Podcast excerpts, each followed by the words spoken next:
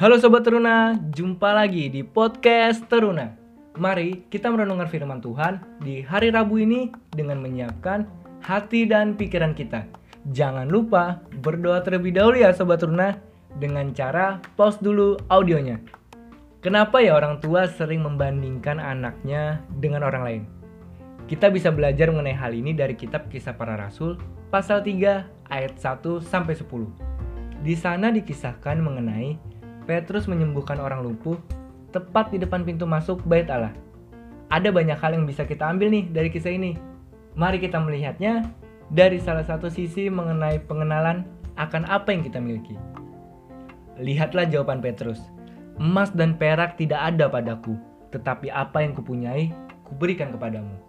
Petrus tahu pasti apa yang ia miliki, dan ia tidak perlu mengeluh terhadap apa yang ia tidak punyai ia memakai apa yang ada padanya untuk memberkati orang lain.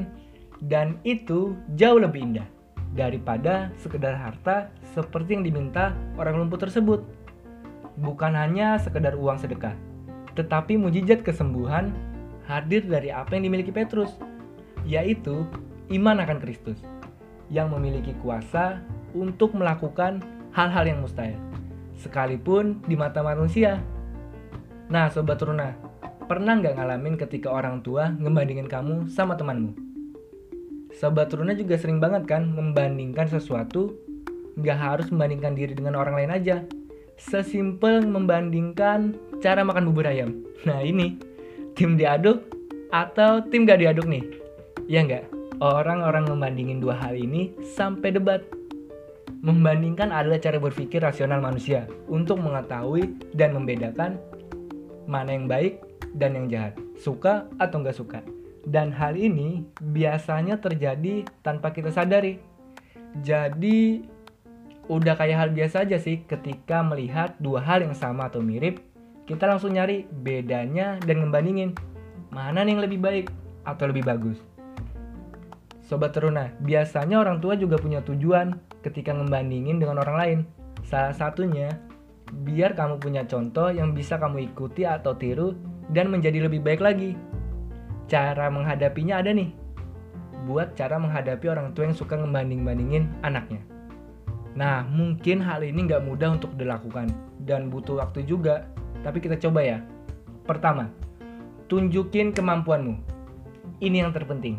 Jangan sampai karena orang tua sering membandingin kamu dengan orang lain, kamu jadi nggak semangat dan nggak punya motivasi untuk melakukan hal-hal lainnya.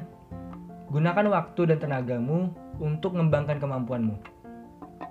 Karena setiap anak Tuhan memiliki kemampuan yang berbeda-beda. Kamu memang harus membuktikan kepada orang tua kalau kamu punya bakat dan kemampuan tersendiri. Kedua, minta dukungan orang tua. Sobat Teruna harus sering komunikasi dengan orang tua agar orang tua bisa tahu fasilitas dan dukungan seperti apa yang Sobat Teruna butuhkan. Ketiga, tidak melawan orang tua. Emang sih rasanya nyebelin. Pas orang tua ngebandingin kita dengan orang lain. Pasti kadang kita nggak tahan dan pengen menjawab omongan orang tua. Ya nggak? Tapi sebenarnya akan lebih baik kalau kamu bisa menahan dirimu dan mencoba menerima. Kalau mungkin di beberapa mata pelajaran atau beberapa bidang orang itu lebih baik dari kamu. Kamu juga bisa mengatakan ke orang tua kalau memang kamu gak sebaik dia, tapi kamu akan berusaha untuk memberi yang terbaik. Nah, jangan lupa untuk minta dukungan dari orang tua. Tetap optimis dan berserah kepada Tuhan dengan cara bersyukur dan berdoa. Karena Allah mempunyai banyak cara yang tidak terduga dan menjawab kerinduan kita. Allah dapat melakukan jauh lebih banyak daripada yang kita doakan atau pikirkan. Jangan lupa serunungan podcast Teruna hari ini kepada sesama kita. Sampai jumpa lagi di podcast Teruna selanjutnya. See you.